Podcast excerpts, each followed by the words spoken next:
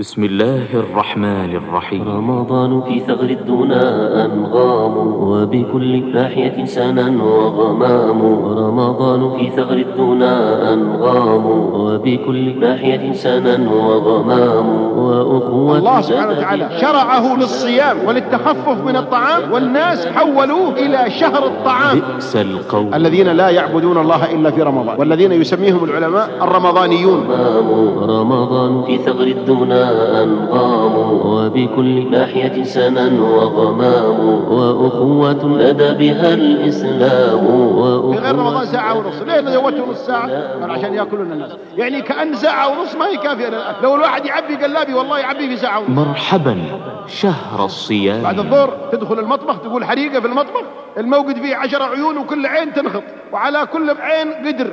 وبعدين بعد العصر يدعونه تعال يا أبونا بالله تعال عشان تقلب قلب السمبوسة. مرحبا شهر القيام. تصور يقرأ بنا صفحة من أولها إلى آخرها طبعا طويلة على أبو بطن كبير اللي معبى إلى بطنه ما يقدر يوقف صفحة في سبيل الله سبحانه. مرحبا شهر الصيام. وترى الأطباء في الثلاث الليالي الأولى من رمضان في حالة استنفار في المستشفيات. شوف طبيب العيون ما عنده واحد وطبيب الأسنان ما عنده حد وطبيب الأنف والأذن الحجرة مقفل العيادة. وطبيب الباطنية عشرة أطباء وكل غرفة فيها عشرين طبيب وكل واحد على رأسه كذا الناس. كل واحد يقول بطني يا دكتور بطني يا دكتور. بطنك من يم- يدك الله يملخ يدك وقف يدك يا أخي حتى يستريح بطنك. لم نمتنع عن أكلنا رمضانا فالله أطعمنا به وسقانا. لم نمتنع عن أكلنا رمضانا فالله أطعمنا به وسقانا. نجني من الغفران شهدا طيبا. ونشم من أزهاره ريحانا. نجني من الغفران شهدا طيبا ونشم من أزهاره ريحانا. رمضان. يا مسلمون. هل بالله يفهمنا رمضان على هذا؟ هل الله شرع الصيام من أجل هذا الفعل؟ يا مسلمون. صوموا. تصحوا يا مسلمون. الله شرع شهر الصيام لترتفع التقوى ويكون الإنسان أقوى. دعوة. فهو شهر الجهاد. شهر الرحمة والمغفرة. وشهر القوة وشهر الجلد وشهر الكفاح. دعوة. شهر تضاعف فيه الحسنات. دعوة. شهر تقال فيه العثرات. دعوة. شهر تعتق فيه الرقاب من النيران. دعوة. شهر تفتح فيه أبواب الجنان. دعوة. شهر تغلق فيه أبواب النيران. شهر التراويح. شهر المصابيح. شهر القرآن. شهر الإيمان. شهر العلاقة بالرحمن. كيف لا يفرح المؤمن بهذا الشهر وهذه كلها أوصاف مرحبا. شهر الصيام. مرحبا. شهر الصيام نلت الثواب مرحبا وفزت في دنياك. يا صائما شهر الهدى بشراك. نلت الثواب وفزت في دنياك. أعطاك ربك في الحياة كرامة وأعد جنته غدا للقاك. أعطاك ربك في الحياة كرامة وأعد جنته غدا للقاك. رمضان في ثغر الدنا أنغام وبكل ناحية سنا وغمام. رمضان في ثغر الدنا أنغام وبكل ناحية سنا وغمام اليقين المؤسسة الإسلامية للإنتاج الإعلامي والتوزيع تقدم مرحبا شهر الصيام محاضرة لفضيلة الشيخ الدكتور سعيد بن مسفر القحطاني. بسم الله الرحمن الرحيم. الحمد لله رب العالمين والصلاة والسلام على أشرف الأنبياء وسيد المرسلين سيدنا وحبيبنا وإمامنا وقدوتنا محمد صلى الله عليه وعلى آله وصحبه ومن اكتفى أثره وسار على دربه واتبع شريعته ودعا إلى ملته وسلم تسليما كثيرا. أما بعد أيها الأحبة السلام عليكم ورحمة الله وبركاته. وأسعد الله جميع أوقاتكم. وأسأل الله سبحانه وتعالى أن يجمعنا دائما على الهدى في هذه الحياة وأن يجمعنا في الجنة في الدار الآخرة وآبائنا وأمهاتنا وإخواننا وأخواتنا وزوجاتنا وذرياتنا وجميع إخواننا المسلمين برحمته إنه أرحم الراحمين. هذا الدرس أو هذه المحاضرة تلقى بمدينة جدة بجامع الشربتلي بحي الربوة وذلك بعد مغرب يوم السبت الموافق للثاني والعشرين من شهر شعبان عام ألف وأربعمائة وواحد وعشرين للهجرة. وعنوان هذه المحاضرة كما أشار فضيلة الشيخ خالد حفظه الله مرحبا شهر الصيام وذلك بمناسبة قرب حلول هذا الشهر المبارك الذي نسأل الله سبحانه وتعالى أن يبارك لنا فيما بقي من شعبان وأن يبلغنا رمضان. شهر الصيام شهر يفرح به المؤمن ويحييه ويتشوق إلى لقائه. ويتمنى أن يعيش أيامه ولياليه كيف لا؟ وهو شهر الرحمة وشهر المغفرة وشهر العتق من النار. شهر تضاعف فيه الحسنات. شهر تقال فيه العثرات.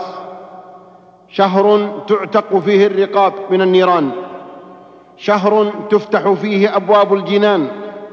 شهر تغلق فيه أبواب النيران شهر التراويح شهر المصابيح شهر القرآن شهر الإيمان شهر العلاقة بالرحمن.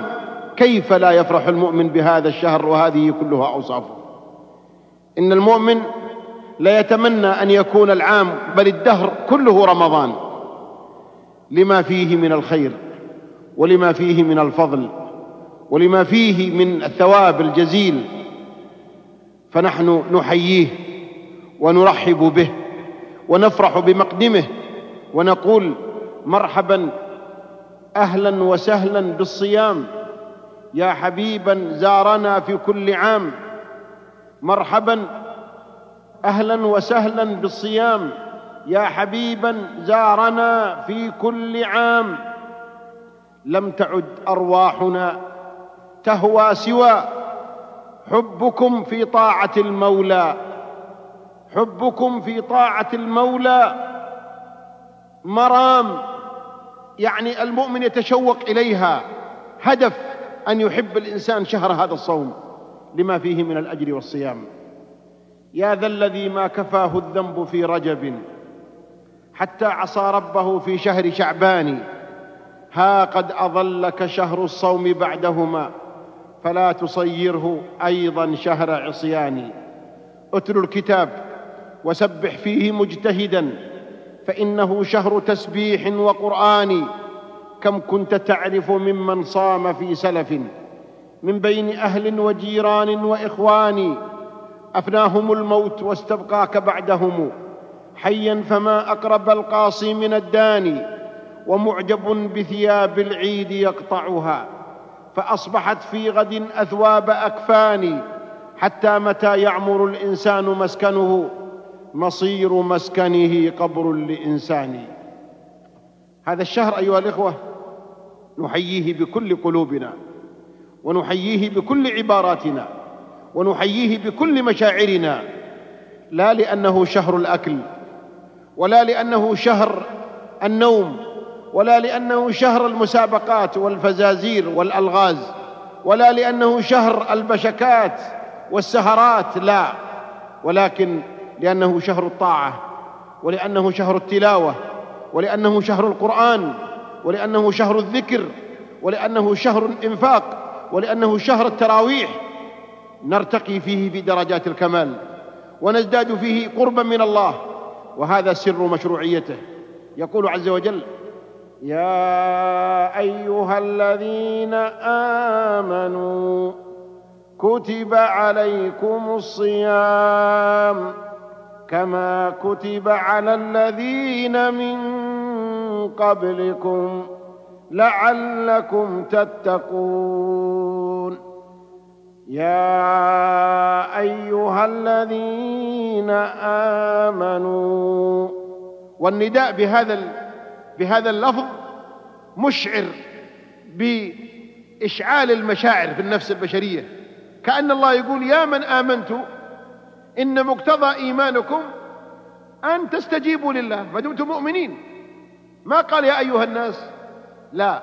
يا أيها الذين آمنوا كتب عليكم الصيام. وكتب هنا أي فرض. وأوجب. وهذه العبارة ما تجي إلا في المفروضات الكبيرة. مثل كتب عليكم القتال. كتب عليكم القصاص في القتلى. كتب عليكم الصيام. ما تجي سهلة لأن الصيام ليس أمر سهل. الصيام هو أبعد من مفهومنا الذي نفهمه أنه الإمساك عن الطعام والشراب والنكاح بس. لا. الصيام له دائرة أوسع. وله مفاهيم أشمل سوف نتعرض لها إن شاء الله في هذه الليلة. كتب عليكم الصيام. وكأن واحد يقول يا ربي ليش طيب؟ حنا بس؟ قال لا. كما كتب على الذين من قبلكم. فليس الشريعة التي فرضها الله فقط في الإسلام وإنما في كل الشرائع. في كل الأديان والرسالات صيام. بل الصيام عندنا أهون الشرائع عن الأمم السالفة. كان في الأمم السالفة الذي يصوم يصوم عن الطعام والشراب والنكاح والكلام. إذا قال كلمة واحدة أفطر وعليه يقضي يوم كامل. ولهذا مريم لما أتت به قومها تحمله قد أخبرتهم قالت إني نذرت للرحمن صوما. فلن أكلم اليوم إنسيا. ممنوع الكلام ما دام إني صايمة ولهذا لما قالوا يا أخت هارون ما كان أبوك امرأ سوء وما كانت أمك بغية إيش سوت؟ فأشارت إليه لأنها صائمة. أيضا في الأمم السالفة كان الواحد يصوم النهار ويفطر مع غروب الشمس. فإذا أفطر وأخذته سنة من النوم لو بس نعاس حرم عليه الأكل إلى الفطور الثاني. خلاص. الإمساك عندهم النوم. من يوم تغمض عينك انتهى. هذا الإمساك. لكن نحن لا. الله سبحانه وتعالى فرض علينا الصيام وأزال عنا الكلف فيه ويسره. ثم بين لنا سبحانه وتعالى لماذا فرض الله الصيام. هل لأن الله يستفيد من صيامنا؟ لا. لو صام الناس كلهم هل يزيد ملك الله؟ لو أفطر الناس كلهم هل ينقص ملك الله؟ لا. لكن الله بين لنا أنه إنما فرض الصوم من أجلنا نحن من أجل أن تطهر وتزكو وتترفع ويزداد رصيد الإيمان والتقوى عندنا قال عز وجل يا أيها الذين آمنوا كتب عليكم الصيام كما كتب على الذين من قبلكم لعلكم تتقون. هنا هنا الغرض. ليش يا ربي فرضت علينا الصيام؟ أتريد أن تعذبنا بترك الطعام والشراب والحلال يا ربي؟ لا. بس من أجلكم أنتم. لعلكم تتقون. وهذا من كمال الدين ومن شمولية هذا الإسلام أنه يربي فينا الأرواح. وإذا كانت الأجساد غذاءها الطعام فالأرواح غذاءها ترك الطعام. ولذا ترون الناس كيف في رمضان. يزداد الإيمان عندهم وتزداد نسبة التقوى في قلوبهم ويقبلون على المساجد ويقرؤون القرآن ويتركون ما كانوا عليه من المعاصي. هذا في رمضان لكن بعدين يعودون وهذا من الخطأ الذي يقع فيه كثير من الناس الذين لا يعبدون الله إلا في رمضان والذين يسميهم العلماء الرمضانيون. يقول فيهم أحد السلف بئس القوم لا يعرفون الله إلا في رمضان. ترى أحدهم ما إن يدخل رمضان حتى يستقبله بالفرح والمصحف والسجادة والخروج إلى المسجد والقراءة في المسجد للقرآن ثم إذا انتهى الشهر ترك علاقته وقطع صلته بالله. يرفع السجادة إلى السنة الجاية ويرفع المصحف للسنة الجاية ويقدم استقالته من العبادة. خلاص بطلنا عبادة بعد رمضان. سبحان الله. إن رب رمضان هو رب شوال. وهو رب شعبان. وهو الذي حرم عليك المعصية في رمضان حرمها عليك في شوال. وهو الذي قال لك واعبد ربك حتى يأتيك اليقين. ما قال حتى يأتيك شوال؟ وتبطل. والرسول صلى الله عليه وسلم يقول إذا مات ابن آدم انقطع عمله. ما قال إذا جاء شوال؟ الله ما جعل أمدا ولا مهلة لانقطاع العمل إلا بالموت. وما دمت حي لابد تعمل. قال عليه الصلاة والسلام في الصحيحين إذا مات ابن آدم انقطع عمله إلا من ثلاث ولد صالح صدقة جارية علم ينتفع به. ولد صالح يدعو وعلم ينتفع به أو جارية هذا ينفع. إنما تبطل بعد رمضان ليش؟ من أخبرك أنك ستعيش رمضان الجاي؟ العبرة بالخاتمة. يمكن تصوم رمضان ما شاء الله ثم في جوال تموت وقد بطلت العبادة. ما ينفعك شيء من رمضان. ليه؟ لأن العبرة بالخواتيم. الخاتمة هي أهم شيء في حياتك. مثل السباق الآن السباق. العبرة فيه بيش؟ بالخاتمة. لو في حصان منذ بدء السباق وهو الأول. ويوم في المرحلة الأخيرة في الشوط الأخير ما بقي بينه وبين النهاية إلا عشرين متر. وقف. واحد كان في آخر الخيل وجاء الأول. من الأول طول السباق ولا اللي يوصل هنا؟ اللي يوصل الأول. كذلك السباقات الرياضية. في الماراثون أو في السباق 1500 أو 5000 أو 3000 العبرة بخط النهاية. وكذلك السباق إلى الله. العبرة بخط النهاية.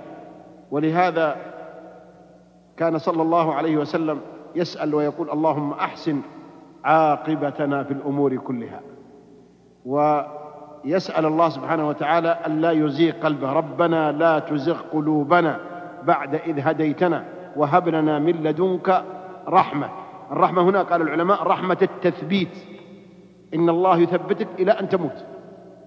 وإذا أحب هذا الحديث في السنن إذا أحب الله عبده استعمله. قالوا كيف يستعمله يا رسول الله؟ قال يوفقه لعمل صالح ثم يقبضه عليه. لأن الإنسان يبعث يوم القيامة على ما مات عليه. الشهيد يبعث ودمه يثعب والملبي الحاج إذا مات يدفن في إحرامه لأنه يبعث يوم القيامة ملبيا. والذي مات على الخمر يبعث وكأسه في يده. والذي مات وهو يغني يبعث وقد تأبط عوده وتحبط آلته. والذي مات وهو على الزنا يبعث وهو يزني. ويبعث الإنسان على ما مات عليه. أجل تريد أن تموت بعد شوال وقد تركت العبادة؟ لا. تقول لا والله أبغى. أجل استمر. وليس معنى هذا أن يبقى الإنسان في شوال كما كان في رمضان في العبادة. لا. طبعا رمضان موسم. والموسم دائما يضاعف الإنسان فيه جهده. مثل موسم التجارة عند الناس الآن. مواسم التجارة التجار في الموسم ينشطون لكن في غير الموسم يصكون الدكاكين؟ لا يفتحون الدكان ويداومون لكن بحكم إن الزباين قليل العرض يعني طبيعي. إذا جاء الموسم لا بدال العاملين يحطون أربعة وبدال البضائع القديمة يجيبون بضائع جديدة وبدال ساعات العمل المحدودة يجيبون ساعات إضافية وبدال العرض داخل الدكان يصير العرض خارج الدكان. ويمكن يسوي تخفيضات موسم لكل تاجر موسم. موسم الأدوات القرطاسية متى؟ في العام الدراسي. شوف كل المكتبات تعلن إعلانات. لكن بعد العام الدراسي خلاص قد راح المكتبة جالس. لكنه فاتح الدكان. موسم الملابس الشتوية متى؟ ذا الحين. الآن تروح تشتري؟ ما تشتري ملابس صيفية. ليه؟ برد ذا الحين. كل واحد ياخذ له فنيله ياخذ له كوت ياخذ له كبوت. هذا موسمها. كل مو... شيء موسم ينشط فيه الإنسان. أنت أيضا في تعاملك مع الله على هذا النحو. في الموسم تزود في غير الموسم ما تبطل العبادة. تستمر لكن أقل. في الحد الأدنى. الحد الأدنى المحافظة على الفرائض ترك المحرمات محافظة على الصلوات في المسجد. لكن في رمضان تزود الصيام تزود التراويح تزود الإنفاق تزود صلة الرحم. تزود الإحسان إلى الناس. ليه؟ موسم. الحسنة فيه بألف حسنة. اللي يتصدق بريال في رمضان مثل ما يتصدق بألف ريال في غير رمضان. لأنه شهر تضاعف فيه الحسنات. فيستقبل المسلم رمضان بفرح وبنية. نية الاستمرارية. نية فتح صفحة جديدة مع الله. لأن رمضان هو بمنزلة الدورة التدريبية التي يعقدها الله عز وجل للناس للتدرب على العمل الصالح. على أساس بعد رمضان خلاص أصبح الإنسان جاهز أخذ دورة تدرب ما عاد يترك العمل الصالح. ربط علاقة بالمسجد بعد رمضان هو هو في المسجد. في رمضان ما كان ينظر للحرام بعد رمضان خلاص ما ينظر في الحرام. في رمضان ما كان يسمع الأغاني بعد رمضان ما يسمع الأغاني. في رمضان ما كان يزني بعد رمضان ما يزني. وهكذا. في كل تصرفاته يبدأها متى من رمضان. ليكون رمضان عاما وصفحة جديدة يبدأها في العيش مع الله سبحانه وتعالى. لعلكم تتقون. ثم قال عز وجل أياما معدودات. وفي هذا نوع من التبسيط. يقول ربي لا تزعلون كلها أيام معدودات. ما خليناكم تصومون طول السنة. إيش رأيكم لو فرض الله علينا الصيام طول السنة؟ نصوم ولا لا؟ والله نصوم. غصب. واللي ما بيصوم النار. إيش رأيك؟ تصوم ولا النار؟ إلا صوم ونص. ولا أدخل النار. لكن ربي خلاها أياما معدودات. السنة 360 يوم كم نصوم؟ 30 يعني واحد على 12 أياما معدودات. هذا رحمة من الله. ونحن عبيد ما يسعنا أمام أمر سيدنا ومولانا إلا الرضوخ لو قال الله صوموا الدار كله نصوم الدار كله. لكن الله رحمنا وأمرنا بأن نصوم واحد على 12 يعني 30 من 360 يوم. وبعدين قال لنا في حديث في مسلم إن اللي يصوم رمضان ويغلق عليها في شوال بستة أيام يعطيه ربي صيام سنة كاملة. كيف يا ربي؟ أخبر النبي صلى الله عليه وسلم قال من صام رمضان وأتبعه بست من شوال كان كمن صام الدهر كله. رمضان يساوي عشرة شهور وستة أيام تساوي ستين يوم. ستين يوم يعني شهرين وعشرة شهور كم صارت؟ سنة كاملة. هذا فضل من الله سبحانه وتعالى. ثم جاءت رحمة الله سبحانه وتعالى بالإنسان في قوله فمن كان منكم مريضا أو على سفر فعدة من أيام أخرى. يعني إذا مرض الإنسان والمرض حالة من حالات الضعف تعتري الإنسان ولا يستطيع معها أن يصوم أن الجسم البشري يكون في حالة من التغير بحيث يحتاج إلى دواء يحتاج إلى غذاء يحتاج إلى اهتمام. فإذا جاء يصوم وهو مريض ازداد مرضه. طيب من الذي أمرضه؟ الله. وما دام الله هو الذي أمرضه فالله هو الذي عفى عنه في الصيام. يلا افطر ما دام مريض افطر. وبعدين؟ بعدين فعدة من أيام أخر. أو على سفر والسفر حاجة من حاجات البشر. إذ أن تبادل المصالح بين الأمم والشعوب وبين الأفراد تتطلب أن يسافر الإنسان من أجل الرزق والبحث عن المعيشة. فيحتاج هذا إلى السفر إلى هذا وذاك يسافر إلى ذاك. والسفر تعب وقطعة من العذاب. لأن المسافر يتعرض لأحوال غير طبيعية. يحتاج معها إلى الغذاء ويحتاج معها إلى نوع من المراعاة. فالله الرحيم سبحانه رحم المسافر.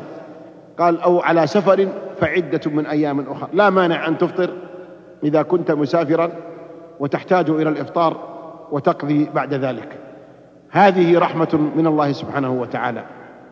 ولكن أيها الإخوة ونحن نلاحظ أن مفهوم الصيام قد فرغ من مضامينه الشرعية عند كثير من الناس في هذا الزمان. فلم يعد رمضان يفرح به عند كثير من الناس من أجل هذه المفاهيم. لم يعد كثير من الناس يفرحون برمضان من أجل أنه شهر التلاوة وشهر القيام وشهر التراويح. لا بل أخذت هناك مفاهيم دخيلة على المسلمين.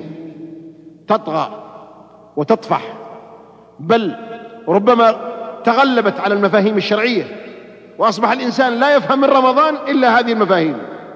من ذلك أيها الإخوة أن كثيرا من المسلمين يعتبرون شهر رمضان شهر الأكل والطعام والشراب. الله سبحانه وتعالى شرعه للصيام وللتخفف من الطعام والناس حولوه إلى شهر الطعام. فإذا بدأ رمضان أقبل الناس على الأسواق كأنهم ما يأكلون إلا في رمضان. كأنهم صايمين طول العام وجاء رمضان شهر إيش يا جماعة قالوا شهر شهر الصيام. طيب الصيام يعني ما تشترون طعام. أنتم بتصومون طيب؟ قال لا رمضان كريم. إيش رمضان كريم؟ كريم عشان تصير أنت كريم على الفقراء. قال لا كريم عشان ناكل يا شيخ. سنة ما تخدم شهر. سنة ما تخدم شهر. يعني يحوش طول السنة علشان يأكلها كلها في رمضان. وترى الناس من أول نص شعبان طبعا. تشوف الأسواق المركزية تغير وجه الدكان كله. يشيلون كل شيء من البضائع ويبدأون يعرضون بضائع ما نشوفها في غير رمضان. إي نعم هذه حاجات رمضان. وتبدأ القوائم والكشوف تنزل من النساء إلى الرجال ويخرج الرجال إلى الأسواق وأحيانا بمرافقة النساء. تقول لا تقضي رمضان إلا أنا معك إني أعرف أنت ما أنت تعرف ما أنت تعرف الزين أنت. أنا اللي بروح أشتري براسي. وإنك لتعجب أيها الإخوة أن تنزل المرأة تقضي والرجال موجود. سبحان الله بعض الناس ما يستطيع يشتري حتى حزمة بصل إلا والمرأة قدامه. بل رأيت واحد في السوق في سوق الغنم يبغى يشتري ذبيحة والمرأة هي اللي تشوف ظهر الخروف. هذا زين هذا سمين هذا. هذا سمين. سبحان الله إيش دخل الحرمة في الخروف؟ أنت رجال تشتري الذبيحة أنت. لكن تقول لا تشتري أنت أنا بروح أشتري أنا. وهو وراها والعياذ بالله. وفي السوق تجي هو يدف العربية بس. حمال. وهي تكرس يلا. لا هذا من الأخطاء أيها الأخوة. المرأة لا تشتري ولا تطب بالسوق. المرأة جوهرة. المرأة درة. المرأة مخدومة نحن نخدمها. تجلس في عرشها. ليس عدم ثقة فيها ولكن احتراما لها وحفظا عليها. حتى لا تنال منها الأعين الجائعة ولا تمتد لها الأيدي الخبيثة الملوثة. نقول لها اقعدي في البيت. وقرن في بيوتكن. هذا كلام الله. طيب ما تخرج السوق؟ ما تخرج السوق. جميع المقاضي عليه إلا حالة واحدة. الأشياء الخاصة بها. التي لا يمكن لي أن أعرفها. مثل ملابس أو ألوان أو مثلا أشياء داخلية لها. ما أعرف لها. تجي معي. ما خليها تروح لحالها. لأن الشاة إذا مشت بين الذئاب ما معها راعي نهشتها الكلاب. إيش رأيكم إذا جاء الذيب وشاف شاة لحالها؟ إيش يسوي؟ طوالي يفترسها. لكن إذا رأى الذيب الراعي واقف يقدر يقرب؟ لا. كذلك المرأة إذا خرجت السوق وهي لوحدها استشرفتها الذئاب البشرية بل الكلاب العاوية وبدأت تتحرش بها وتضايقها وربما تزاحمها وربما تكلف عليها بالأرقام وربما تكلف لها بعض العبارات. والمرأة مسكينة مهددة بين هذا وهذا وهذا. بعض النساء تخرج من السوق. وبعضهم تضعف أمام العبارات وأمام الكلمات وأمام المعاكسات. فلا تخرج امرأتك أو بنتك إلا وأنت الأول. لأن بعض الناس يقول لن يستحي. أستحي يمشي مع مرتي. لا والله لا تستحي. قد تمشي أنت ولا يمشي غيرك. مع مرتك لا تستحي امشي مع مرتك. وبعدين حدد مكانا معينا لشراء الغرض واللي يشتري انت هي تجي وتشوف السلعة وتقول أبغى هذه. خلاص تفضل روح اركبي السيارة. أنا أشتريها. لكن بعضهم لا يقعد في السيارة مع الأطفال. يعطي هذا الرضاعة وذاك يغير له الحفاظة ويقول من شأنها روحي أنت اشتري لأنك أنت تجيبينها بالرخيص. صدق يشتري بعرضه. لو راح يشتري السلعة بياخذها بخمسين لكن لما تجي هي وتكشف وجهها لل... لراعي السلعة بكم هذه؟ قال بخمسين. قالت علشان خاطري. يا سلام عشان خاطرك. قال عشان خاطرك بأربعين. لا لا لا لا, لا أرجو خليها خليها بثلاثين لي. أنا أول مرة وأنا عميلتك أنا عميلتي. طيب بثلاثين ما دام عميلتي تفضلي بثلاثين. وتجي عند بعلها وجالس شفت؟ شفت إني أعرف أشتري؟ والله جبتها بثلاثين. لو إنك انت جبتها بخمسين. صح هي بخمسين لكن عشرين من عرضك وثلاثين أعطاها المرأة. تبيع عرضك بعشرين ريال؟ أصون عرضي بمالي لا أدنسه لا بارك الله بعد العرض في المال. فلا تنزل المرأة. لكن الذي يحصل أنهم ينزلون يقضون حتى رمضان. ويبدأون يكدسون هذه البضائع وتحدث أزمة في الأسواق. في أول رمضان أزمة. ليه؟ لأنهم يشترون بالكراتين. كرتون شعري وكرتون تطلي وكرتون قمر الدين وكرتون نشا. وشفت واحد كاتب كرتون قطر الموز. قطر الموز تعرفونه؟ هذه العلبة الصغيرة. الصغيرة هذه تكفي لها شهر. لكن تقول المرأة أعطنا كرتون. لأنها خلاص لوثة لوثة الكراتين. وإذا جاب حبة قالت ليه حبة حبة في رمضان بس. راح جيب كرتون. وتبدأ البيوت تملأ بهذه الأطعمة. أي نعم مع اللحوم ومع الطيور ومع الأسماك ومع الخضروات ومع الفواكه حتى تتعبأ المخازن وتمتلئ الثلاجات ويبدأ شهر الصيام. وبدأ المسلمون يستقبلون رمضان. بيش بالإعداد. خلاص لازم كل شيء موجود. وتبدأ المرأة من أول النهار في حالة طوارئ. شوف في البيت تقول استنفار لكل القوى العاملة في البيت. الخادمات والأطفال والبنات والنسوة خاصة بعد الظهر. بعد الظهر تدخل المطبخ تقول حريقة في المطبخ. الموقد فيه عشر عيون وكل عين تنخط. وعلى كل عين قدر. وبعدين بعد العصر يدعونه تعال يا أبونا بالله تعال عشان تقلب. قلب السمبوس أنت. يعني شغلتك هذه التقليب بس عشان ت... ويلا إلى متى؟ إلى المغرب. بل أحيانا يدفع لسه ما غلقوا. وهيصه كما يقولون وزنبليطه علشان إيش؟ علشان هذا المعو حقك ذا البسيط. معو بسيط هذا يكفي فنجالين قهوة وحبتين تمر وانتهى لكن حولوه الناس من معو إلى حطوه برميل. أو قلابي. يقول واحد يقول بطن ولا قلابي؟ وجاء الإفطار. ووضعت أصناف النعم على الفطور. بما يكفي لتحطيم معدة جمل. لو أكلها جمل طاح. السنة أن يفطر المسلم على تمرات ومذقة لبن أو شربة ماء. هذه السنة. وهذه السنة يقررها الأطباء. يقول الأطباء إن الإنسان إذا صام وامتنع عن الطعام من الصباح إلى المغرب حصل عند المعدة نوع من الفتور لأنها في إجازة ما أكل الطعام. وهو نوع من من العلاج الطبي للمعدات. أي نعم. فإذا جاء المغرب فينبغي إذا أريد تشغيل المعدة لممارسة عملها في هضم الطعام أن تعطى طعام خفيف في الأول ويكون فيه سعرات حرارية يعني التمر علشان يعيد لها نشاطها بعد تحمية. تحمية وتدريب. مثل اللاعب حق الاحتياطي. إذا أرادوا ينزلونه يقول للمدرب يلا سوي لك حركات. في يروح ينط من هناك وينط ويقول كذا ويقول كذا إيش قالوا هذا؟ يسوي تحمية علشان ينزل. لا ينزل إلا قد هو محمى علشان لا يجي شد عضلي. كذلك المعدة. المعدة تحتاج إلى تحمية. إيش نحميها به؟ تحميها بتمرات ومذقه لبن وتروح تصلي. عشان ترجع من الصلاة وبطنك خلاص جاهز للأكل تأكل ما في مشكلة. لكن التحمية عندنا حقتنا ذا الحين ثلاثين حبة سمبوسة. هذه التحمية. وستين لقمة قاضي. إي نعم.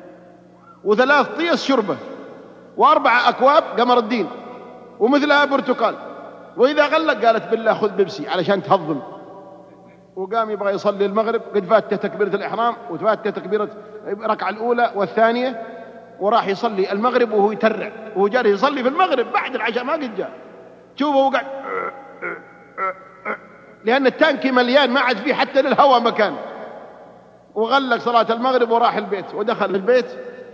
وإذا أمامه سفرة طويلة عريضة فيها عشرات الأطعمة. وجلس. وهو لا يريد أن يأكل. سبعة. لكن لازم يأكل. الويل له إن لم يأكل. لأن المرأة بالمشعب عنده. لازم تأكل. وتعطيه. ومن هذه. وعلشان خاطري. وتأكل من هذه. وعلشان خاطري.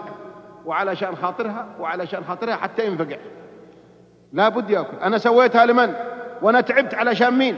وشوف هذا. ويخلون الحلا برا. علشان الحلا طبعا حلا. كل واحد يبغى ولو واحد جمعان يأكل حلا. فيخلونه آخر شيء علشان يغصب به الواحد. وعلشان خاطرها يصاب بالتخمة. في واحد كان ضيف عند مضيف عزيز عليه. فأعد له طعاما لذيذا وقدمه له في العشاء. ولما شبع وكف يده قال لا زد. قال خلاص اكتفيت. قال لا علشان خاطري. وأعطاه قطعة لحم أكلها. بعد شوية قالوا هذه بالله عشان خاطري. أكلها. وكان يطيعه علشان خاطره حتى كاد ينفجر من الأكل. ثم جاء ينام في الليل وكان هذا في القديم قبل السيارات. نام ما جاه النوم طول الليل أصيب بتخمة. وبدأ طول الليل يتقلب يتقلب ما في حمامات ويبغى يروح الخلاء ما هو قادر ظلام. حمامات ما في في البيوت قدام. المهم عاش ليلته في عذاب إلى الفجر. ولما طلع الفجر خرج إلى الخلاء وتوضأ وجاء يصلي وبعدين ودع المضيف وركب على حماره وجاء ماشي يبغى قريته البعيدة. ولما جاء في الطريق وقف على ساقية ماء فالحمار كان ضميان فشرب حتى امتلأ. لما رفع رأسه الحمار قال من شأن الحمار بالله زد اشرب عشان خاطري. فالحمار مشى ما شرب. قال والله إنك أعقل مني يا حمار. يقول أنت شربت على قدرك. أنا علشان خاطر صاحبنا ما رقدت البارحة. فعلشان خاطر زوجته يأكل ويأكل ويأكل إلى أن يكاد ينفجر. وبعدين وهو جالس كذا قم غسل قال والله ما أقدر أقوم. جيبوا الغسيل عندي. هنا فيجيبون له الطست والصحن ويغسلونه مكانه. بالله قربوا المخدة عشان ينقعد. إي نعم خلاص معبى إلى الحنايا. الكفرات ما عاد فيها قطعة هواء بنشرت كلها. وبعدين جاء صلاة العشاء. قم صل. قال طيب. اولا يطولون الوقت الحين ساعتين الحين.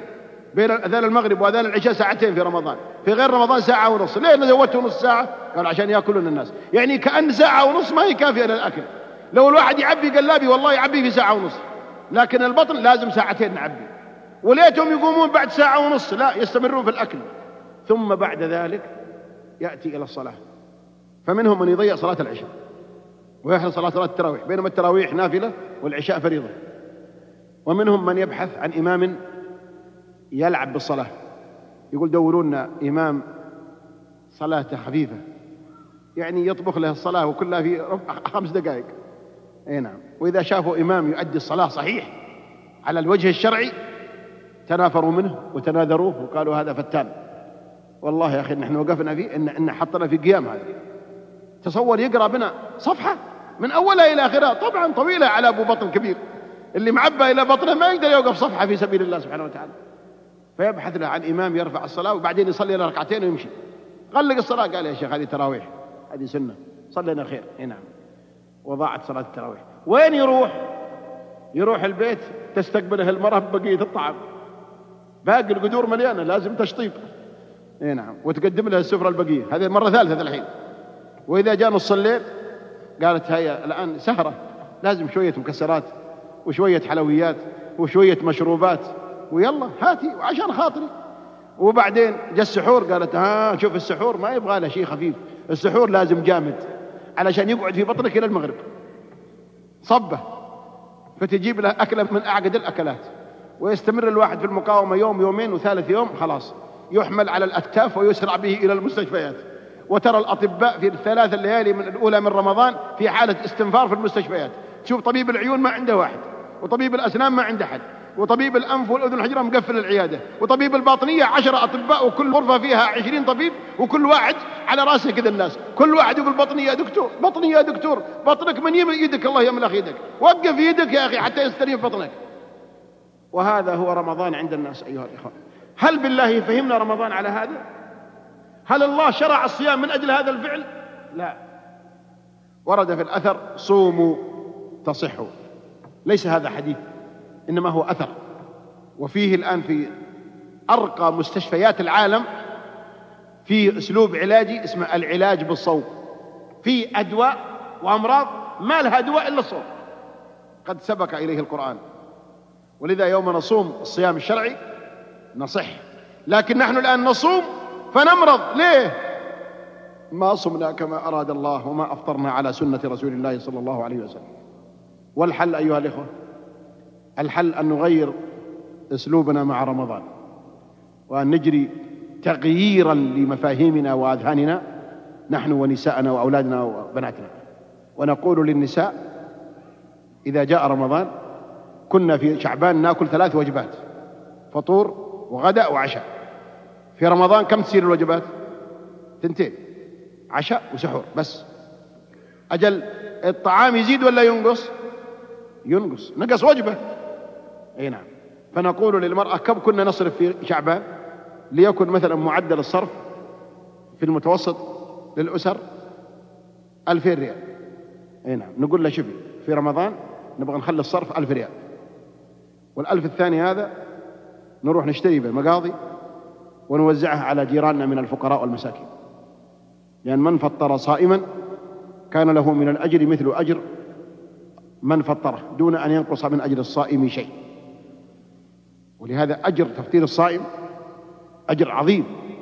والحمد لله الآن الجمعيات الخيرية وأيضا المؤسسات كلها تعين على هذا. في مسلمين الآن في بلاد المسلمين الفقيرة يتضورون جوعا ويفطرون على الماء ويصومون على الماء. ما عندهم شيء. هو هو فقير طول العام صايم طول السنة ويجي رمضان فيزداد جوعه. ترسل خمسة ريال إفطار صائم أو عشرة ريال أو مئة ريال أو مئتين ريال لهذه المؤسسات ويرسلونها. وقد حضرت أنا منها. حضرت مرة في إحدى الدول مناسبة في رمضان وحضرت عند مؤسسة الحرمين الخيرية في مخيم وهم يفطرون مئات الناس. ورأيت كيف يصطف الناس من بعد صلاة العصر. من بعد صلاة العصر الفقراء وهم وقوف طوابير. ينتظرون وجبة الإفطار والعشاء التي كانت تقدم لهم عن طريق الجمعية المؤسسة الخيرية والتي مبالغها من هذه البلاد المباركة. فعلى المسلم أنه يحط الفلوس هنا ويقول لزوجته ترى ما هو بخل؟ لأن بعض النساء لو جيت تقول لها الكلام هذا قالت ليه يعني؟ تبغى تبخل علينا؟ لا مو بخل لا. لكن تغيير للفكر الخربان تغيير للمفهوم الخاطئ عن رمضان. وبعدين رمضان هو هو. وإذا اشتريت شيء خاص رمضان أجيب علبة بس. كم أجيب شربة علبة شربة. ليه؟ السوق بيشد؟ السوق موجود. إذا غلقت علبة جبنا علبة. ليش أجيب كرتون؟ وهكذا أيها الأخوة. آكل أي طعام ميسر وأحذر زوجتي. وأقول لها شوفي أي طعام تسوينه لن آكله. لأننا نحن الذين نعين الزوجات على الإسراف. وإلا لو قلت لها ما بذوقه خلاص ما عاد تسوي. لكن من يوم تأكله تقول أجل بأعطيه. هنا وبالتالي كأنك تعينها على هذا المبالغة في إعداد الأطعمة.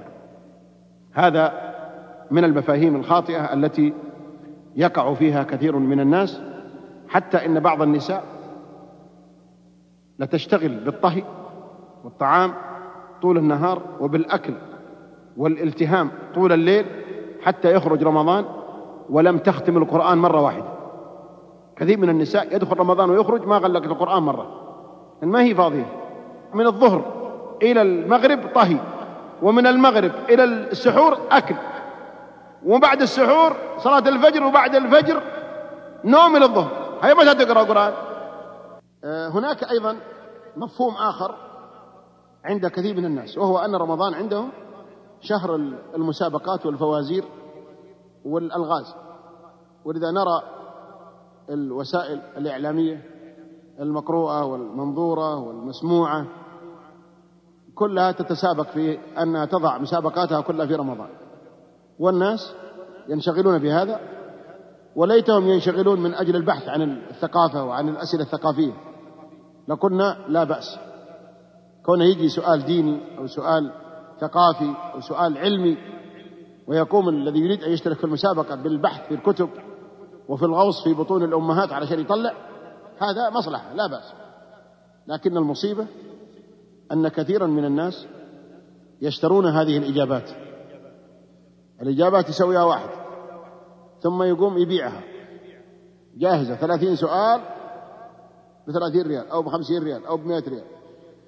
ويقوم ذاك يرسلها للإذاعة أو للتلفزيون أو لأي جهة.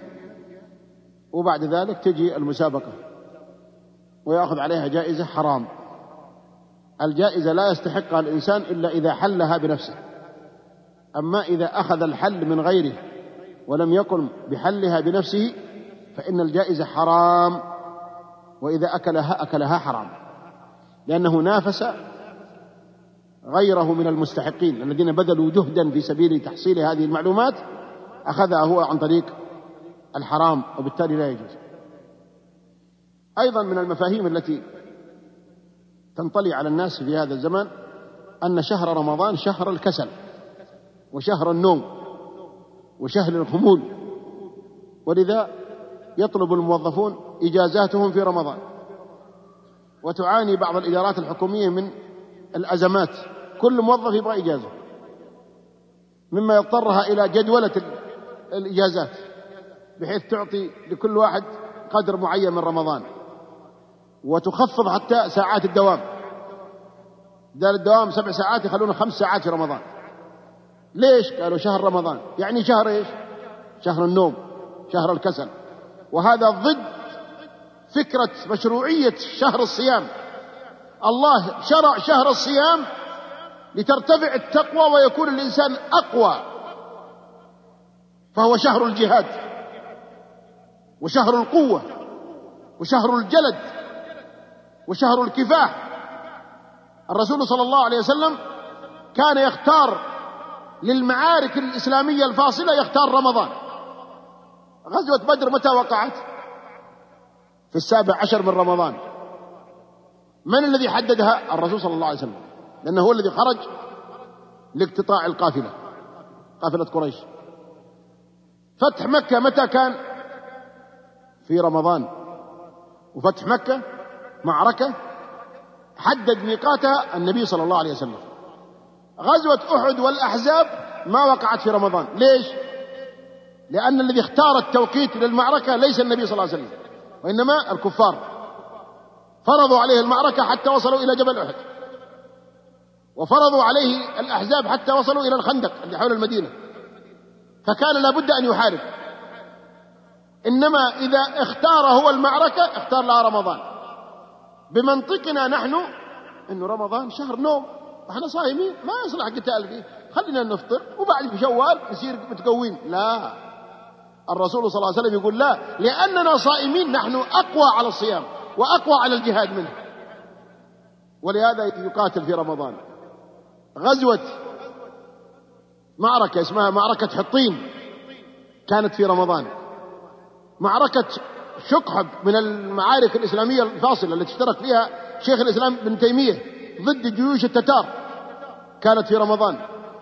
في العصر الحديث معركة العاشر من رمضان عام 73 التي حصلت بين الجيش المصري وبين إسرائيل والتي دكت فيها جيوش الإسلام وجيوش الإيمان دكت أعظم خط دفاعي في العالم اسمه خط بارليف اللي كانوا يراهنون على أنه ما يمكن يخترق اخترق الجنود المسلمون وهم يحملون لا إله إلا الله في رمضان.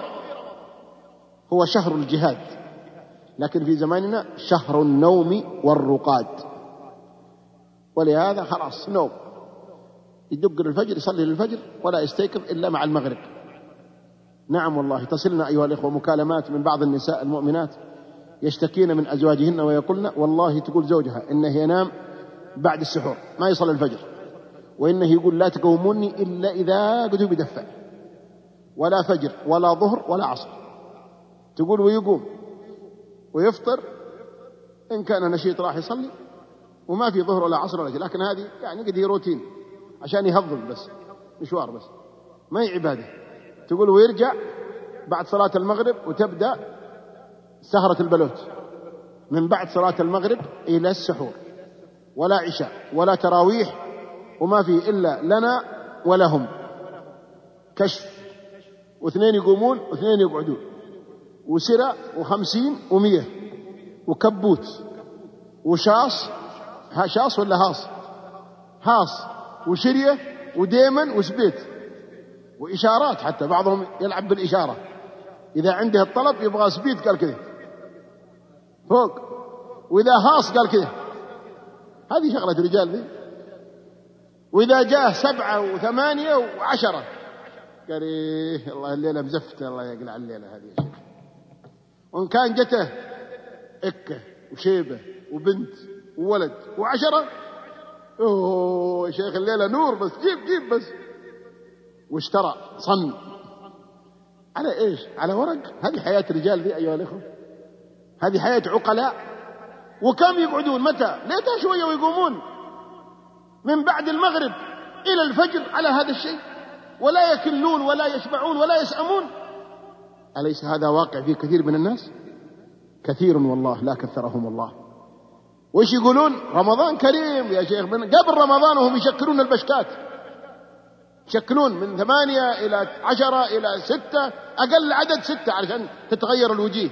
اثنين يقومون واثنين يجون. ولنا ولهم. والمقيد يقيد والمرأة تدلب عليهم بس. بالنسكافة والحليب والقهوة والمكسرات. وآخر الليل السليق. وبعدين نوم عن الصلاة. يأكلون من نعم الله ولا يؤدون فرائض الله. وإذا قيل لهم في شيء قالوا رمضان. نحيي ليالي رمضان. هل إحياء رمضان بهذا الشكل؟ والله لقد أماتوا ليالي رمضان. لقد دنسوا محياه. لقد لوثوا صورته. لقد لطخوا سمعة رمضان بهذا السهر المحرم. ليالي رمضان لا تحيا بهذا. تحيا بالقيام وتحيا بالقرآن. وتحيا بالذكر وتحيا بطاعة الرحمن سبحانه وتعالى.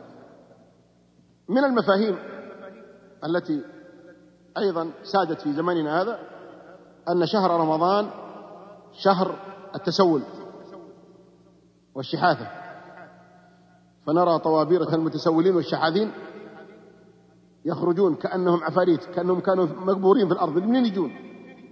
ولا تمر في شارع إلا وفيه عشرة خمسة خمسة عشر. ليش؟ بدل أن يسألون الله يسألون الناس. بل بعض النساء تسأل وهي غنية وترى في أصابع يدها صبة الذهب.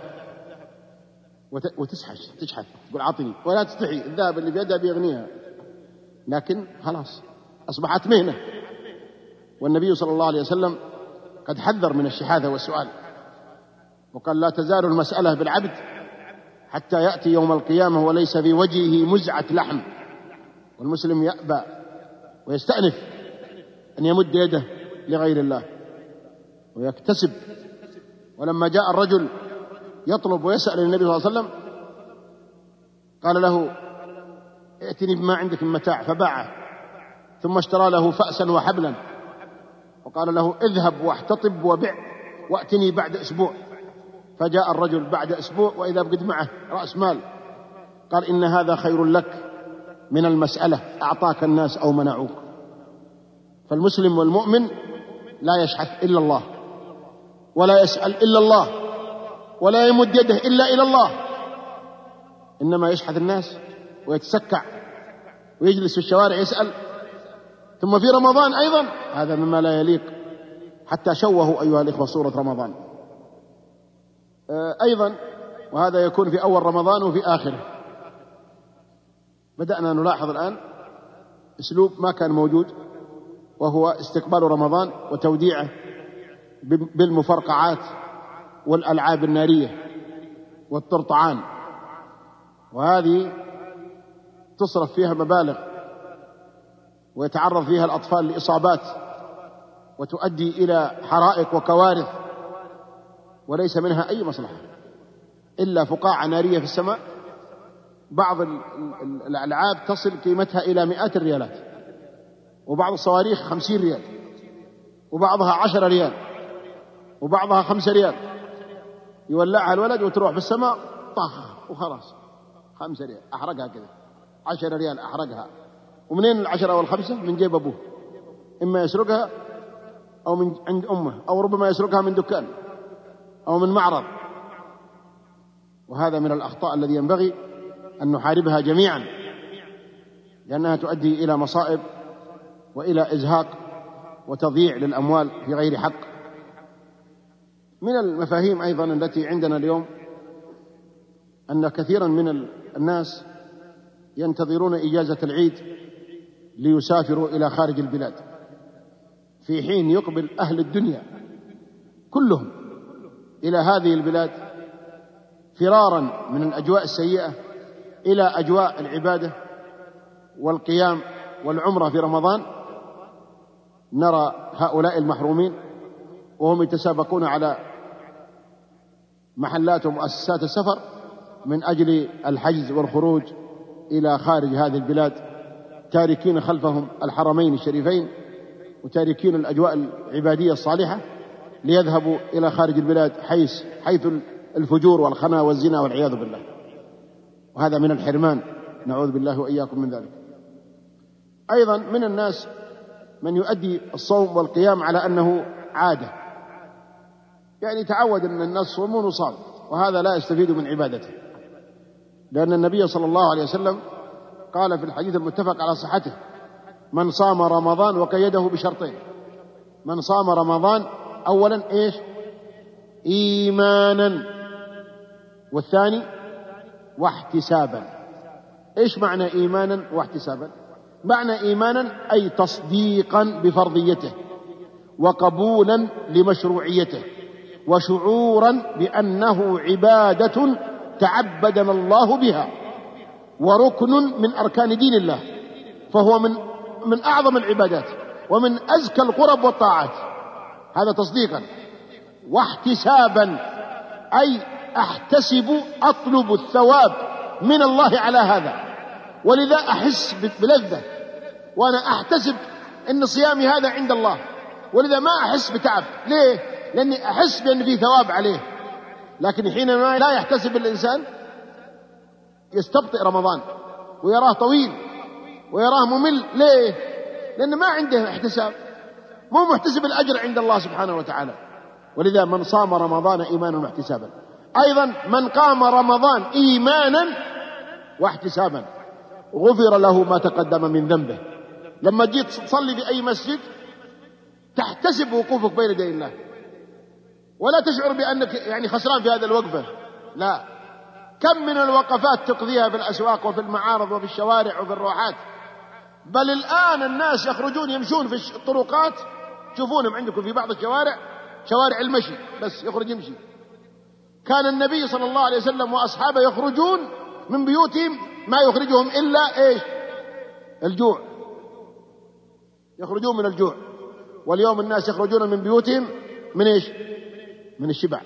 إذا تعشى قال يا شيخ والله ما أقدر أنام بطني مليان إيش أسوي؟ قال نخرج نهضم. ويخرج يمشي له ساعة ولا ساعتين علشان يبعد اللي في بطنه. فما ينبغي أيها الإخوة لنا أن نسلك هذا المسلك بل علينا أن نحتسب نحتسب صيامنا ونحتسب قيامنا ونحتسب قيام ليلة القدر لأن هذه الحديث في ثلاثة أحاديث صحيحة. ومن قام ليلة القدر إيمانا واحتسابا غفر له ما تقدم من ذنبه. من العادات التي دخلت علينا أن بعض المسلمين إذا صام ساءت أخلاقه وأصبح زعلان. طول اليوم وهو زعلان وواصله لا إله إلا ولا يسلم ولا يتكلم وبعضهم وهو في المكتب كذا وفي الشارع كذا. وإذا أردت تشوف نموذج أخرج في الحلقة مع الظهر في رمضان شوف. المصاقعة بالمشاعيب والصمت ليه؟ رمضان كريم رمضان شهر المضاربة. وإذا جيت في إدارة حكومية لك معاملة عند المدير يقول لك الفراش خلها لشوال ليه؟ أنا مستعجل. المدير صايم. ترك تدخل تلقاه في وجهك. واحد دخل قبلك ولقيها. فأنت أنا أقول لك خلي المعاملة بعدين. ما لقيت تراجع إلا في رمضان؟ رمضان ترى وصلانة. المدير مرة. فأنت خلك شلشلها. سبحان الله. من قال لنا أن هذا مفهوم الصيام؟ الإسلام شرع الصيام لتربية الأخلاق. ولتعويد الإنسان على الانتصار على نفسه. ولهذا جاء في الحديث قال فإن سابه أحد. لو واحد سبك واستثارك إيش تقول له؟ إني صائم. تقول ما أقدر أقول لك شيء. أنا بإمكاني أرد عليك لكن لأني صائم أخلاقي أوسع من أخلاقك. ما أقدر أقول لك شيء ولا أرد عليك. إني صائم. هكذا أدبنا الإسلام. إنما في زماننا لمجرد أن الإنسان صائم خلاص. يتنرفز ويزعل ويضارب لأتفه الأسباب ويلعن ويسب ويشتم وكأن خلو معدته هو الذي يتحكم في تصرفاته وأخلاقه. إن كان معدته مليانة ما شاء الله أخلاق. إذا معدته فاضية ما في أخلاق. بئس الإنسان الذي لا يتخلق بالأخلاق إلا تبعا لمعدته. من الناس من يفطر في رمضان على الدخان. يصوم رمضان فإذا جاء الفطور تناول التمرة وبجوارها جمرة. بل بعضهم يغلط في ولع السيجارة قبل التمرة ويتناول التدخين. والتدخين في غير رمضان حرام وتزداد حرمته في رمضان.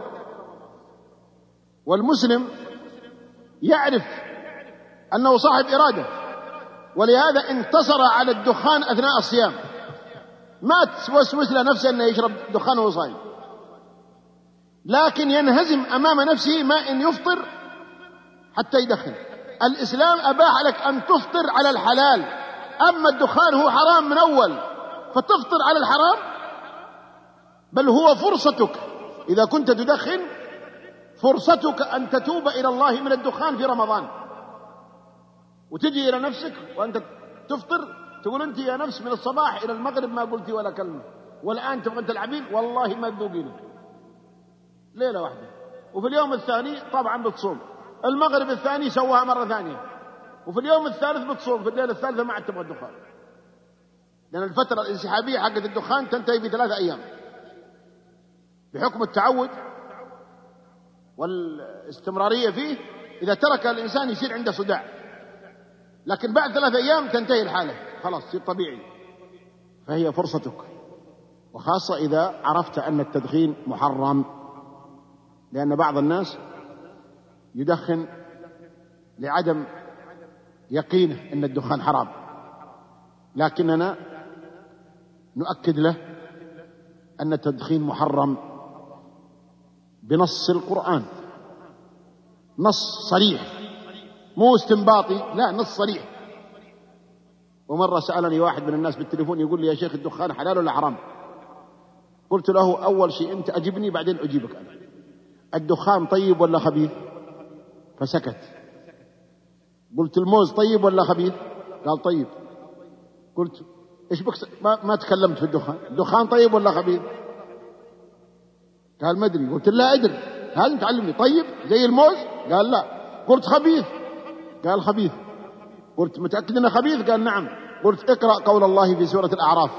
يحل لهم الطيبات ويحرم عليهم الخبائث. فإذا آمنا بأنه خبيث حكمنا بأنه حرام. والذي يعطيك الدليل على أنه خبيث الشركة الصانعة. الشركة الصانعة تكتب على كل علبة التدخين يضر بصحتك. يعني طيب ولا خبيث؟ اللي يضر. خبيث. كل شركة صانعة تصنع مصنوع تسوي دعاية له إلا الدخان دعاية ضده. وكل طعام أو دواء له تاريخ صلاحية. تاريخ الإنتاج تاريخ الانتهاء. إلا الدخان ما في صلاحية. خربان من يوم صنعه. وكتبوا عليه خربان يضرك وبرضك تدخن هل تقدر تشرب الدخان في المسجد؟ ها؟ لا. لكن لو مع خبزة وأنت في رمضان تقدر تشرب تأكل نفطر في الحرم. في بعض الإدارات الرسمية ممنوع التدخين. طبعا ممنوع بأمر سامي. لكن بعض الإدارات ما تنفذ لأن المدير مدخن. وبعضها تنفذ. فلا يجد المدخن فرصة للتدخين إلا فين؟ في الحمامات. نعم يدخنون في الحمام لو واحد تذكر وهو جالس على الكرسي إن في جيبه سندوتش يبغى يفطر هل يقدر يأكل في الحمام سندوتش؟ ما يستطيع. ولو أكل يطرش ما يصلح طيب مع خبيث. لكن لماذا يستسيغ المدخن أن يدخن في الحمام؟ بل بعضهم يقول والله ما أنبسطت إلا في الحمام. لأنه يدخن من فوق ومن تحت. فيطلع دخان أصلي. أجل هذا دخان طيب ولا خبيث؟ خبيث. وما دام خبيث فهو حرام. وما دام حرام ليش تشرب الحرام يا أخي؟ ليش؟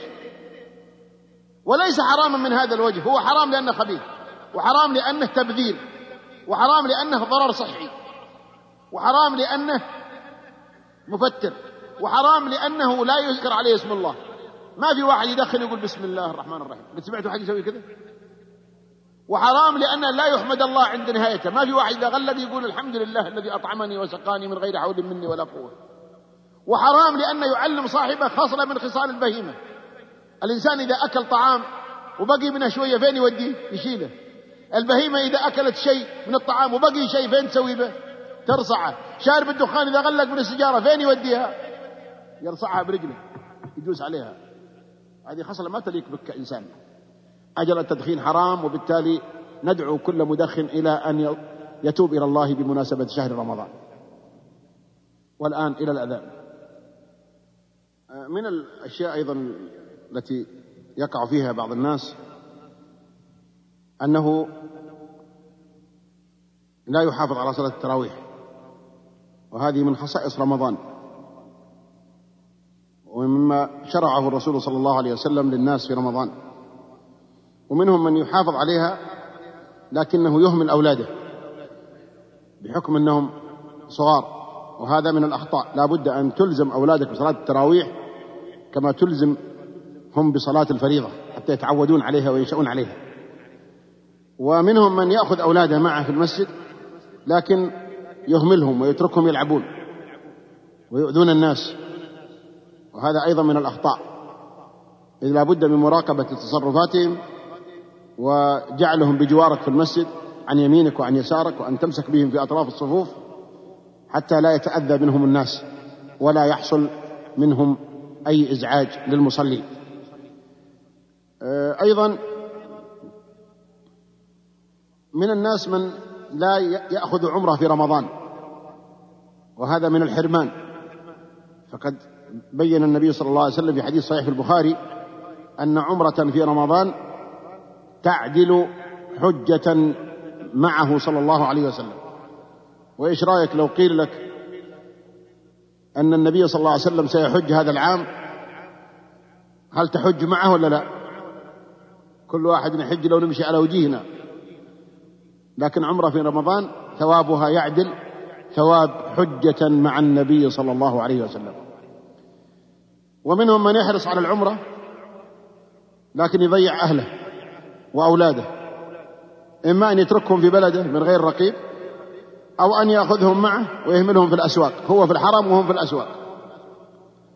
ومنهم من يترك عمله ووظيفته من غير إذن. ومنهم من يكون إمام. فيخون أمانته ويترك مسجده ويروح يعتكف ويتعبد ويترك مسجده وهذا حرام. الإمامة مسؤولية فلا بد أن تقوم بها. وإذا احتجت إلى العمرة فلا بأس أن تأخذها في النهار بحيث لا تغيب عن المسجد ولا تضيع المسلمين الذين هم في ذمتك. ومنهم من يتساهل في إخراج زكاة الفطر أو يخرجها نقودا. ومن النساء من إذا حاضت أو نفست تركت جميع الطاعات. الحيض والنفاس يمنع المرأة من الصيام والصلاة. لكن لا يمنعها من الذكر ولا يمنعها من قراءة القرآن غيبا. إذا كانت تقرأ شيء من القرآن غيب تقرأ ما في شيء ولو كانت حائض. وتستطيع أن تقرأ القرآن لكن من دون أن تمس المصحف. بحيث يكون عندها من يفتح لها المصحف. وبعض أهل العلم رخص في أن تمس لكن من وراء حائل. بواسطة الدسوس. لأنه لم يرد نهي شرعي قاطع في الموضوع. ومن النساء من هن من؟ تحرص على الصلاة في المسجد. وهذا طيب.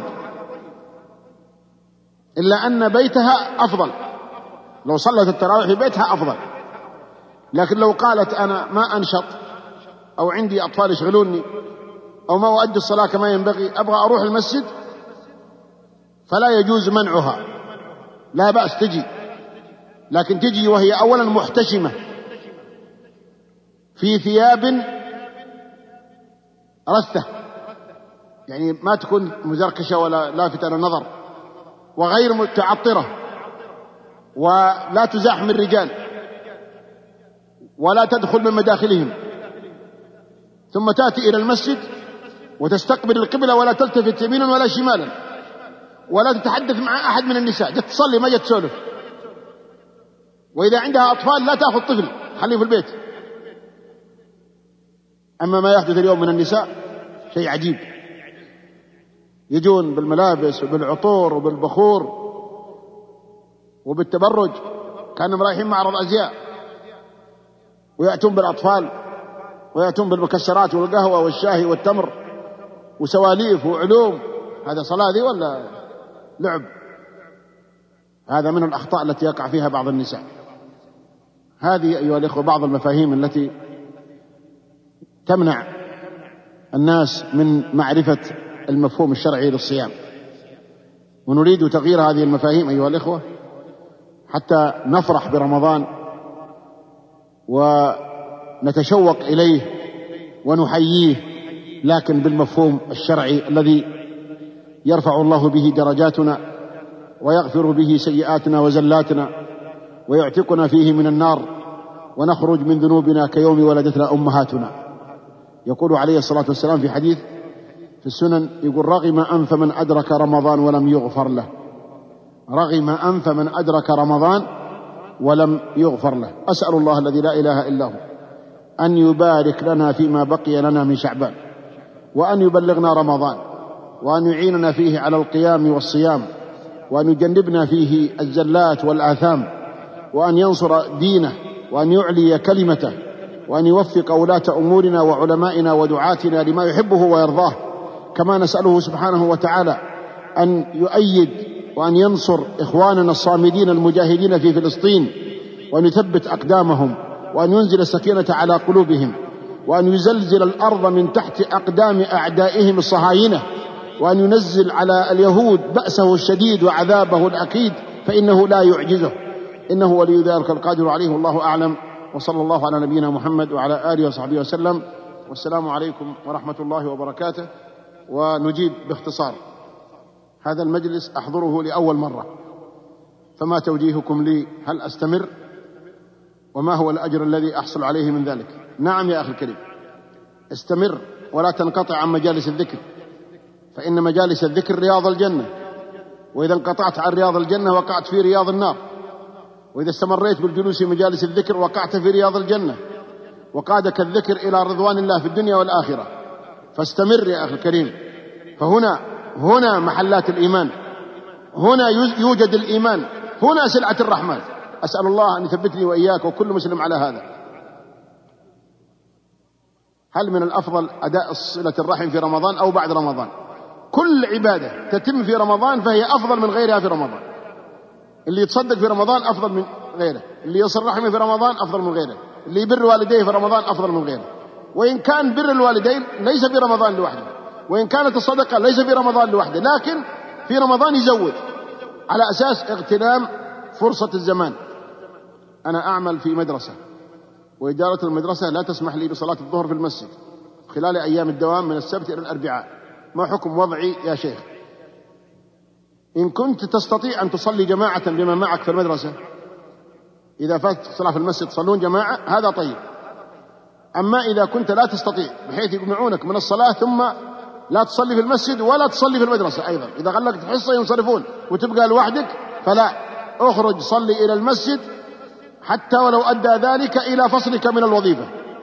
فإن سيجعل الله سبحانه وتعالى لك أمرا ويسرا. يقول ما هو البرنامج المقترح للطلاب؟ خلال رمضان المبارك. البرنامج المقترح أن يبدأ الإنسان حياته بصلاة الفجر في المسجد. وإذا استطاع أن يجلس إلى الإشراق فهذا خير خصوصا في رمضان. ثم بعد ذلك يذهب إلى بيته ليرتاح إلى أن يأتي وقت الدراسة. الدراسة تسعة ونصف أظن أو عشرة.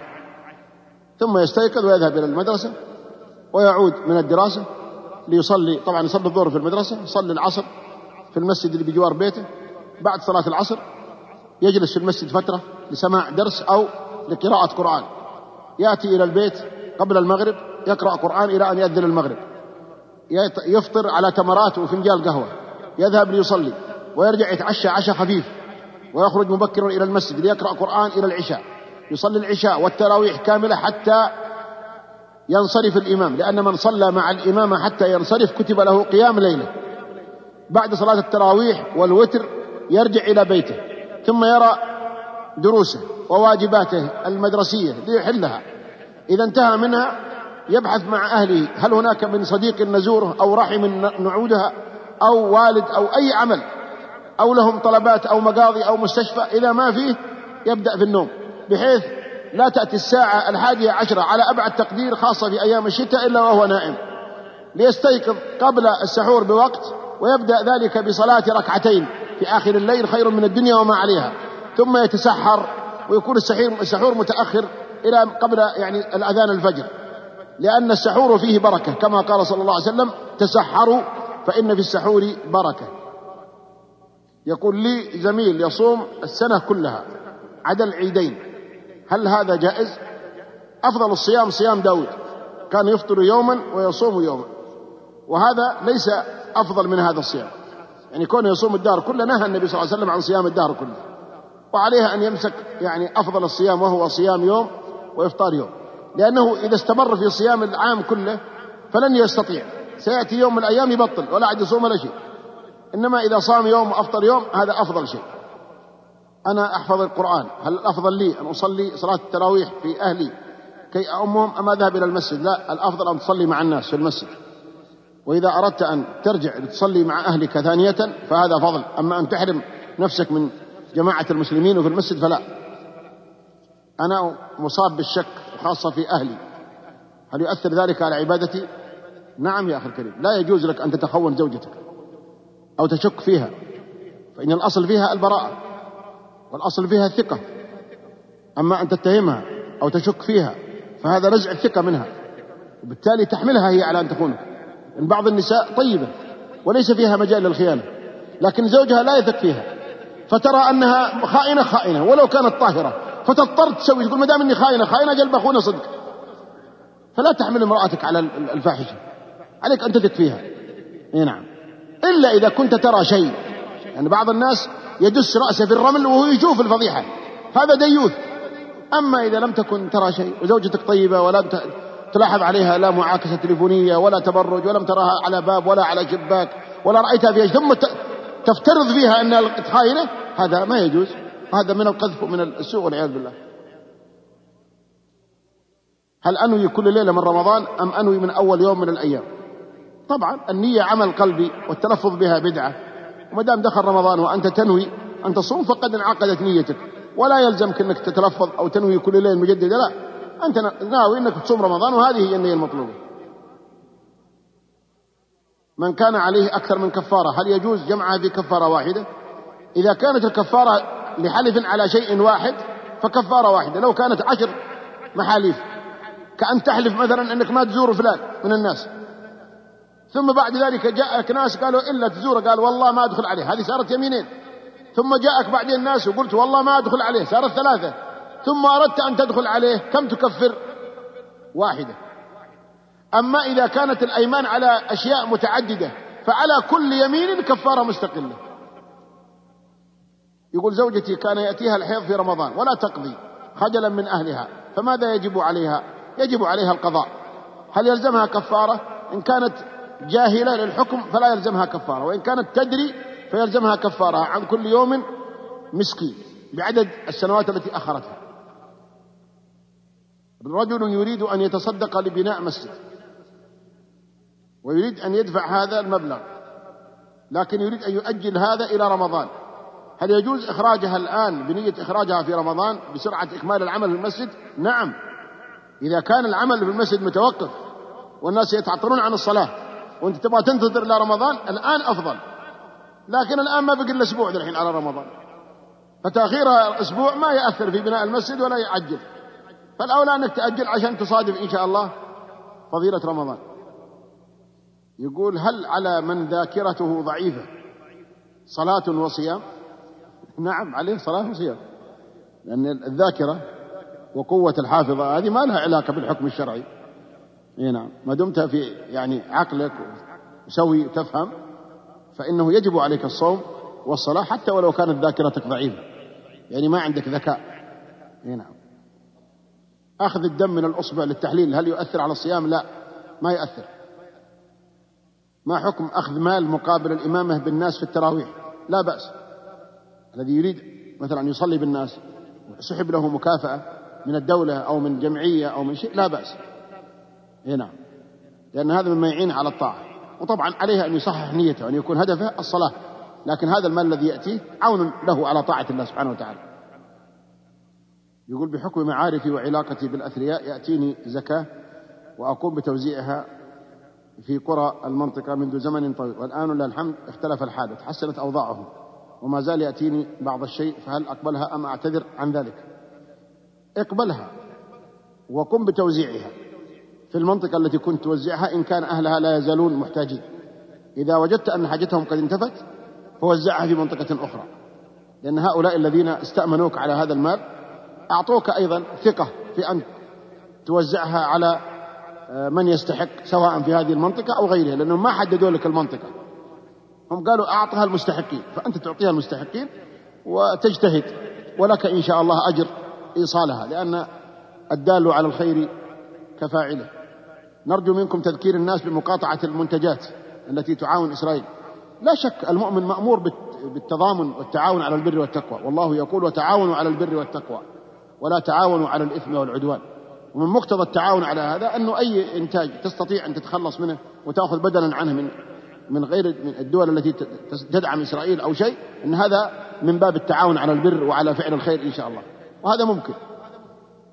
يقول هل يبطل صوم الذي يكثر من الغيبة والمزاح ولا يستطيع تركه لأنه عادة؟ لا لا يبطل صومه لكنه يضعف أجره ويقل ثوابه. أي نعم. لأنه إذا لم من لم يدع قول الزور والعمل به فليس لله حاجة في أن يدع طعامه وشرابه. فعليه أن يترك الغيبة والمزاح وأن يجاهد نفسه وأن يشغل نفسه بذكر الله وبالقرآن حتى يكتمل له صيامه بإذن الله. أكتفي أيها الإخوة بهذا القدر من الإجابة وأسأل الله سبحانه وتعالى أن يبلغنا وإياكم رمضان وأن يوفقنا وإياكم ما يحب ويرضى وإلى إن شاء الله اللقاء في الحلقة القادمة في شهر شوال. نظرا لأن رمضان يتوقف في هذا الدرس. كما نعتذر أن الدرس هذه هذا الشهر قدم أسبوع. يعني كان المفترض أن يكون ليلة السبت القادم 29 لكن الإخوة في مركز الدعوة والإرشاد رأوا أن يقدموا هذه الليلة لأنهم خشيوا أن يكون يوم السبت يكون من رمضان. فحتى لا يضيع يعني علينا الدرس قالوا نقدمه أسبوع قلنا لا بأس. وفيما حصل بركة والله أعلم. والسلام عليكم ورحمة الله. رمضان في ثغر الدنا أنغام وبكل ناحية سنا وغمام رمضان في ثغر الدنا أنغام وبكل ناحية سنا وغمام وأخوة لدى بها الإسلام وأخوة لدى بها الإسلام. هل الصيام طهر الأرواح فغدت به أيامنا أفراحا. هل الصيام وطهر الأرواح فغدت به أيامنا أفراحا شهر أطل على الوجود مبارك. لم يبقي ألاما ولا أتراحا شهر أطل على الوجود مبارك. لم يبقي ألاما ولا أتراحا رمضان في ثغر الدنا أنغام وبكل ناحية سنا وغمام. رمضان في ثغر الدنا أنغام وبكل ناحية سنا وغمام وأخوة لدى بها الإسلام وأخوة لدى بها الإسلام. لم نمتنع عن أكلنا رمضانا فالله أطعمنا به وسقانا. لم نمتنع عن أكلنا رمضانا فالله أطعمنا به وسقانا. نجني من الغفران شهدا طيبا. ونشم من أزهاره ريحانا. نجني من الغفران شهدا طيبا. ونشم من أزهاره ريحانا رمضان. في ثغر الدنا أنغام. وبكل ناحية سنا وغمام. رمضان. في ثغر الدنا أنغام. وبكل ناحية سنا وغمام. وأخوة لدى بها الإسلام. وأخوة لدى بها الإسلام. يا صائما شهر الهدى بشراك. نلت الثواب وفزت في دنياك. يا صائما شهر الهدى بشراك نلت الثواب وفزت في دنياك. أعطاك ربك في الحياة كرامة وأعد جنته غدا للقاك. أعطاك ربك في الحياة كرامة وأعد جنته غدا للقاك. رمضان وتقبلوا تحيات إخوانكم في مؤسسة اليقين للإنتاج والتوزيع. جدة شارع حراء. رقم الهاتف ستة صفر خمسة ستة ستة ستة تسعة. رقم الفاكس ستة صفر خمسة واحد واحد واحد صفر. صندوق بريد أربعة خمسة ثلاثة أربعة ثمانية. الرمز البريدي واحد وعشرون خمسمائة واثنى عشر. ونذكركم أن جميع الحقوق محفوظة. والسلام عليكم ورحمة الله وبركاته.